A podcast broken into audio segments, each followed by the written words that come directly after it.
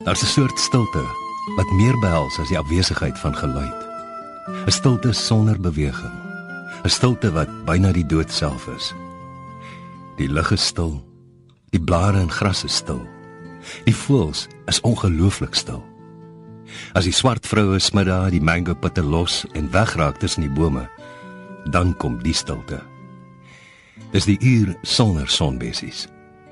Die dooie uur waar 'n mens begin vermoed dat selfs die son iewers vasgesteek. Iemand soos Chris Barnard se dood veroorsaak stiltes soos die waarvan hy in sy kortverhaal Bos geskryf het, sê die skrywer PG Du Plessis. As 'n vriend van jou sterf, sterf 'n groot stuk van jou saam. PG, raak 'n mens bang as dit nader aan jou kom? Nee, dit raak nie. Jy weet, ek weet mos nou ek gaan. En ek ek verklaar nou hier voor jou, ek is nie bang vir die dood nie, maar ek is bang oor hoe dit kom maar die feit dat daar stiltes rondom jou ontwikkel soos hierdie goeie vriende van jou sterf daaroor kan ek nie uitgepraat raak nie. Wat doen daai stiltes aan 'n mens emosioneel?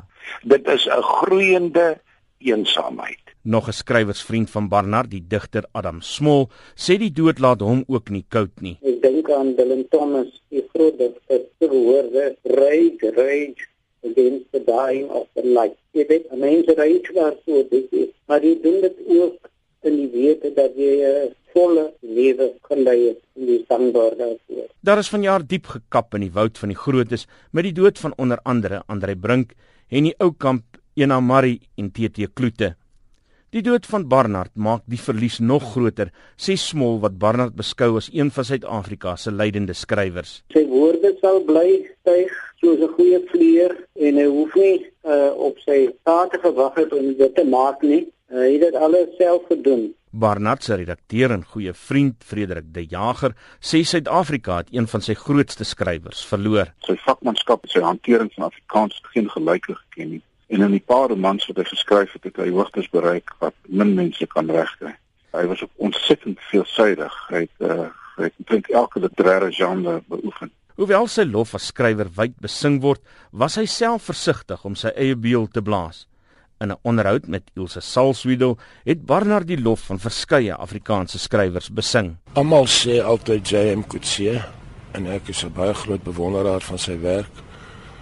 Maar uh, uh Ek dink uh Marlene van die Kerk is een. Ek het nog altyd gehou of vroeër jare gehou van Nadine Gordimer.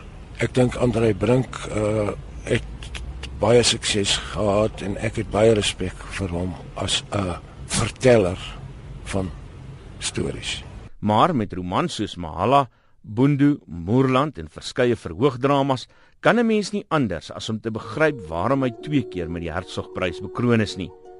En hoewel hy meermale erken het dat hy die roman as genre verkies, het hy ook gedui as draaiboekskrywer vir bekroonde flieks soos Paljas en Vila se kind. Is vier kinders is dit al? Ons het vyf. As nog Benjamin. Benjamin Komuti. Wat hou jy die kind wat destyds weggeraak het hier agter die bos? Luister hier, Bas. Nou probeer Bas visvang in 'n pispot. Wag, ek onthou nou al hoe helderder.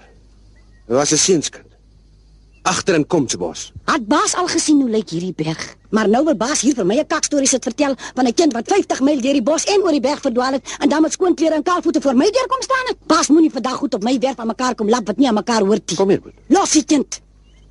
Baas, los die kind asseblief. Die meer onlangse wonderwerker het jare in die kas gelê omdat hulle nie 'n borg kon kry om die fliek in Afrikaans uit te gee nie. Die fliek was uiteindelik 'n loket treffer. Daar is nog net 'n paar van die 60ers oor.